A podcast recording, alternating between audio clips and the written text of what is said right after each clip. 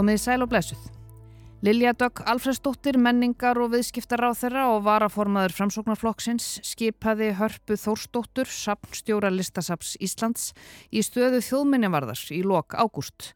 Þetta var gert án auglisingar og stuðst við lagaheimild sem gefur leifi fyrir tilfærslum embættismanna í starfi. Tilfærslan hlaut ekki góðar viðtökur, ekki vegna hörpu persónulega, heldur kannski aðalega vegna þess að það er mögulega slatti af fólki hér sem hafði áhuga á starfi þjóðminjavarðar, sem hafði ekki verið löst til umsóknar í 22 ár. Harpa sagðist sömulegis í viðtali ekkert endilega að hafa sótt um stöðuna ef hún hefði verið auglist þó hún hafi ekki útilokkaða. Ráþara hefur reynd að svara fyrir ákvörðun sína en ímis fagfélög eins og til dæmis fordleifafræðingar krefjast þess að ákvörðuninni verði snúið við. Ég heiti Sunna Valgeradóttir og skipun þjóðminjavarðar verður helst í dag. Ráþæra menningarmála skipar forstuðumann þjóðminjasaps Íslands þjóðminjavörð til fimm ára í senn. Skipaður skal maður með háskólamentun og staðgóða þekkingu á starfsviði sapsins. Þjóðminjavörður stjórnar starfsemi og rekstri sapsins. Hann ræður starfsmenn þess og er í fyrirsvari fyrir sapnið. Svo segir í lögum um þjóðminjasapn Íslands.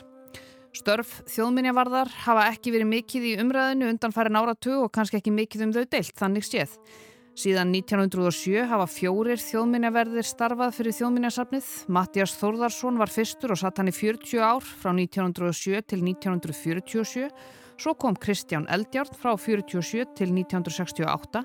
Síðan kom Þór Magnússon, pappennarhörpu og satt hann til aldamótana 2000. Þá tók nýjasti þjóminjavörðurinn við, Margret Hallgrímsdóttir og satt hún í sínu embætti í 22 ár. Það er ekkert í lögunum sem segir að það þurfi að auglýsa stöðuna, en það er rík hefð fyrir því og þykir eðlilegt og gagsætt eins og með aðra embættismenn ríkistofnana að auglýsa stöðuna. Það má færa sérstaklega rauk fyrir því í ljósi þess að Margret hefur synt starfinu lengi í rúma tvo áratíu og mjög margt breyst á þessum 22 árum. Og svo hefðu kannski einhverjir innan sapna og menningargeirans vilja tjekkað hvort þau væru hæf í starfið. Sækja um, vera metin á pappir, siktuð út í viðtölum og svo er þið hæfasta manneskjan ráðin eins og gengur. Þess ber að geta að nýju manns sóttu um stöðu þjóðminnavarðar þegar Margret var ráðin um aldamótin þá var staðan auglist. En það eru líka heimildir í lögum til þess að færa embættisfólk til í starfi innan kervisins Og það er nákvæmlega það sem Lilja Alfredsdóttir, menningarmálar á þeirra gerði þegar hún skipaði hörpu, framkvæmtastjóla listasaps Íslands, sem er auðvitað önnur reysastór menningarstofnun, í starfið. Þess má líka geta þegar sústaða er auglist koma yfirleitt frekar margir umsækjendur. Harpa var skipuð sapstjóri listasapsins 2017 og var hún valin úr 20 manna umsækjendahópi og nú er búið að auglisa hennarstöðu eftir hún færði sig um sapn og bárust sjö umsóknir. En nóg um það. Lilja tilkynnti þessa óvæntu skipan nýst þjóðminnevarðar fyrir rúmum mánuði og strax varð uppi fótur og fytt í sapna og fræðimannarsamfélaginu. Af hverju var ekki auglýst? Var þetta lögleg ráðning? Hvað hafði Harpa að gera í þjóðminnasafnið? Var ekki nýbúð að framlengja ráðningu hennar í listasafninu um fimm ár? Hver voru tengsl hennar við framsóknarflokkin? Voru spurningar sem voru borðnar upp? Fagfjölög stegu fram og mótmælti þessu harðlega, sumir sögðu þetta jæðra við spillingu og misbeitingu valds. Sigur Jón Baldur Hafsteinsson, professor í safnafræði við Háskóla Ísland, sæði þetta mjög vafasaman gjörning og nixli á tímum umræðu um gagsægi og góða starfsætti, ekki síst á vegum hins ofinbera. Þetta sæði Sigur Jón í samtali við fréttablaðið. Þar er haft eftir honum að tilfærslan virðist hafa verið ákveðinu skjóli nætur og án nokkurar umræðu. Það er einkennilegt að fara í svona tilfærslu í stað þess að skipa ennbætti þjóðminniavarðar eftir auglýsingu. Hann segir hörpu góða og gegna fagmannesku en engar upplýsingar séu veittar um það hvað hún hafi fram að færa yfir aðra sem gætu synd verkefninu. Aðrir fengu ekki að lýsa sínsinni á starfið vegna þess að staðan var einfallega ekki auglýst. Þjóðminniasafnið er sérstökstofnun, segir Sigurjón, og ekki aðeins stjórnsýslu vettvangur. Þá bendur hann einnig á að þjóðminnarsafnið hafi verið gert að háskólastofnun með lagabreitingu 2013 og segist telja að í ennbætti ætti að veljast fólk sem sé með doktorspróf að lámarki. Það er þó ekkert um það í lögunum, bara háskólamentun sem nýtist í starfi. Ég held að engum hafi dottið í hugs á möguleiki að ráð þeirra myndi skipa í þetta mikilvæga ennbætti með þessum hætti. Þetta er algjörlega fáránleg ráðstöfun, sagði Sigur Jón, professor í fréttablaðinu. Fridrik Jónsson, formaður BHM, saði strax að ráðningar hátsettra embættismanna án auglýsingar geti grafið undan trausti til stjórnsíslunar og staðan hefði átt að vera auglýst. Formaður félags forleifafræðinga saði traust til menningarmálar á þeirra hafa laskast vegna málsins. Sakfræði félagið, starfsmannafélag þjóðminnasapsins, félag þjóðfræðinga og félag forleifafræðinga gerðu alvarlegar aðtúasemdir við skipanina. Formaður stjórnskipunar og eftirlitsnemdar Alþingis sagði að nefndin myndi að öllum líkindum taka málið fyrir. En Anita Elefsen, formaður félags íslenskra sapna og sapnamanna, kom í morgunútvarpið á Rás 2 stuttu eftir að fregnirnar bárust fyrir um mánuðu síðan og sagði sína skoðun á ráðningunni. Eins og margir aðris þá gerum við alvarlega ratuarsamtur um, við það verkferðli sem var haft við skipun nýstjóminni varðar síðastleginn fyrstu dag og mér langar sem þetta byrja á því að taka það skýrt fram að, að okkar gaggrínu hún beinist að engum hætti að nýskipið um þjóðlunaverði heldur af ferlinu sjálfu en eh, eins og aðrir þá erum við þeirra skoðanar að, að ráðningar sem þessar með því að færa ennbættismenn til í starfi án auðlýsingar séu bæði ógagsægur og ófælegar -hmm. og eru til þess fallnar að grafa undan trösti á stjórntísluna og ennbættismannakerfið. Og þetta, þetta bref sem þið sendið bæði á fjölmjölingar og vantarlega á ráðherra? Já, við gerum það, hvora tvekja. Mm. En sko, er raun og veru, sjáðu fyrir ykkur að það verði þetta að draga þessa ráningu til, eða þessa skipin tilbaka með einhverjum hætti vegna þessara gaggrinni eða, eða er þetta svona bara framtíðar músík að brína stjórnvöld til þess að já, fara eftir svona faglegu verklægi þegar kemur að ráningum? Já, sko ég vona að segja alveg eins og verð, það er nú ekki eitthvað sem hefur komið upp í okkar samtali að, að hérna að svona gaggrinni geti orðið til þess að þessi ráðning verði dreginn tilbaka. Það er allavega ekki eitthvað sem við höfum rætti okkar hópi mm. en, en frekar að brína fyrir stjórnvöldum að, að þetta sé ekki verklag sem að sé æskilagt að viðhafa. Mm. Þannig að svo snýst þetta líka um svolítið bara eh, stofnununa sjálfa og fæið. Mm.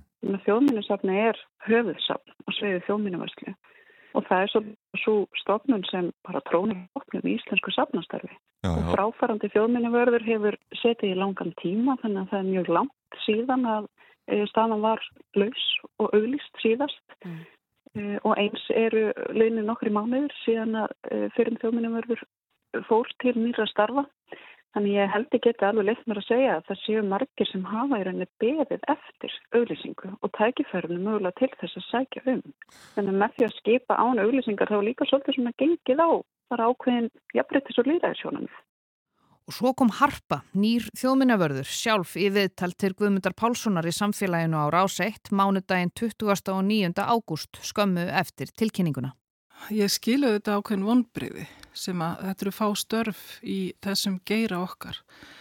Þannig að það verða til auðvitað vonbriði hjá fólki sem að hafi kannski hugsað sér að sækja um þarna ennbætti sem var að losna þegar að Marget Hallgrímsdóttir uh, fór og, og sagt, hætti störfum sem þjóðmínavörður.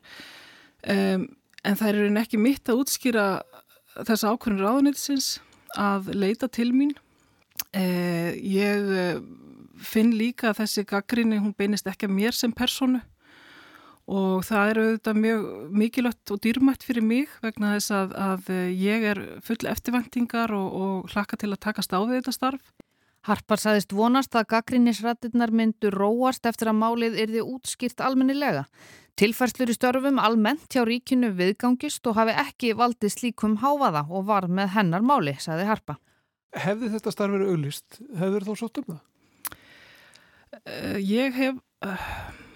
Það er svo skritið með mig, ég hef alltaf og ég hef sagt áður uh, þegar ég sótt um annar starf að ég verða að fá að sjá auglýsinguna til að finna fyrringin og ég bara útiloka það ekki.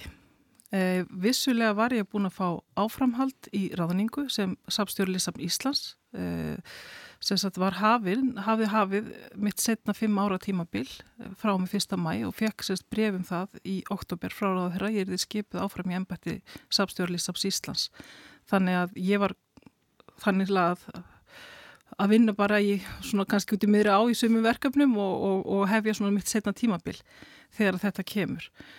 Og ég svona tristi mér mjög vel til verksins annars hefði ég ekki þegið þetta starf. Þér finnst þú njóta tröss meðal starfsmanna?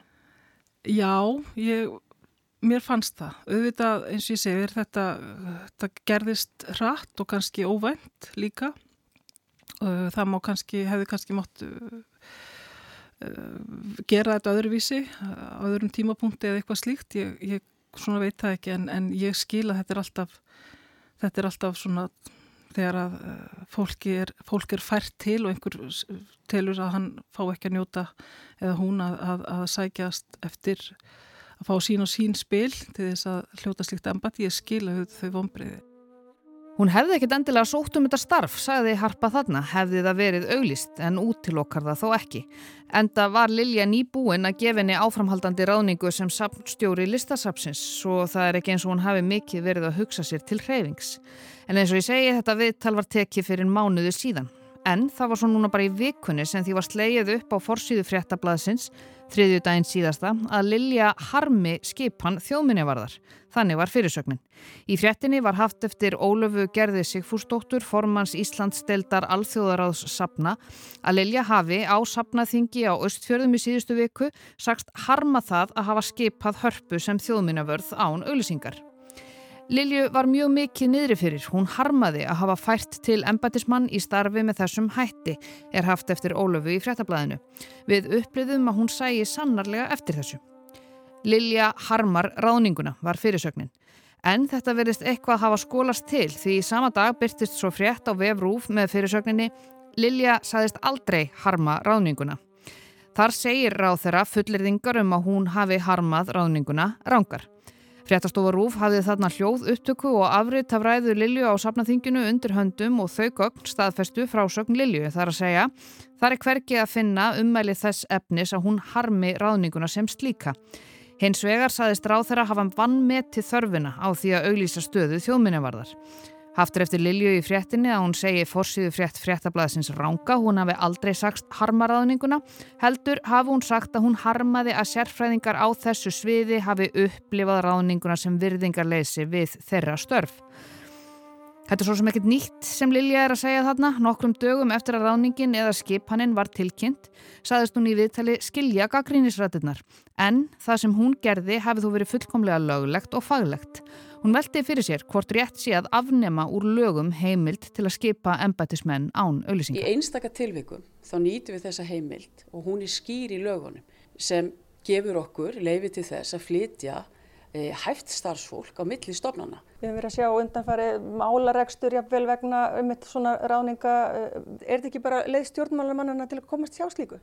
Nei, alls ekki. E, það verður þetta að vera faglega fósendur eins og þarna eru. Þannig að er kona sem er með 20 ára reynslu, hámentuð, e, sérstaklega fær, það verður að flytja hana frá einu safni yfir í þá næsta og það, eru, það er full heimild fyrir því. En að sjálfsögðu hlusta ég á þá gaggrinni sem er að koma fram og teka hann alvarlega. Eigum við þá bara að taka þessa heimild úr lögum. Katrín Jakobsdóttir fósættisráþurra hefur óskað eftir samantækt á fjöldaskipana embettismanna án auðlýsingar undanfarið. Ég, við erum auðvitað með þá megin regla auðlýsað embetti og það er hugmyndin og bakið það er að sjálfsögða að tryggja fólki jafnbræði til að sækja um þau embetti sem losna en við erum líka með í lögum heimilt til að flytja til embettismenn. Gæti þetta ekki bara grafið undan tröstinu? Er þetta þetta gagsæði sem við viljum hafa í stjórnsýslunni?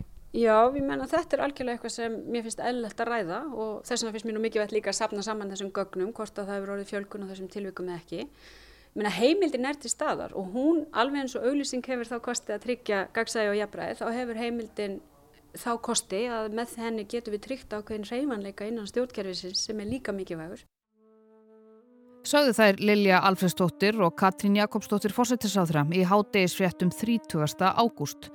Þessi samantækt hefur enn ekki borist fórsættisáþra svo framalega sem að mér er kunnugt að minnstakosti og það er komið mánuður síðan þessi viðtöl voru tekinn. En aftur til dagsins í dag eða gærdagsins, réttar að sagt. Lilja hafði þá búið til fundar með formönum þeirra félaga sem hafðu sendt frá sér harð orðu yfirlýsingarnar. Sum sögðu að fundurinn hefði verið góður, önnur ekki. Félag fortlefafræðinga sendi til dæmis frá sér yfirlýsingu að fundunum loknum þar sem sagði Fyrir fundin vonaðist stjórn félagsforleifafræðinga eftir heiðarleika og hugrekki af hálfu ráþeira.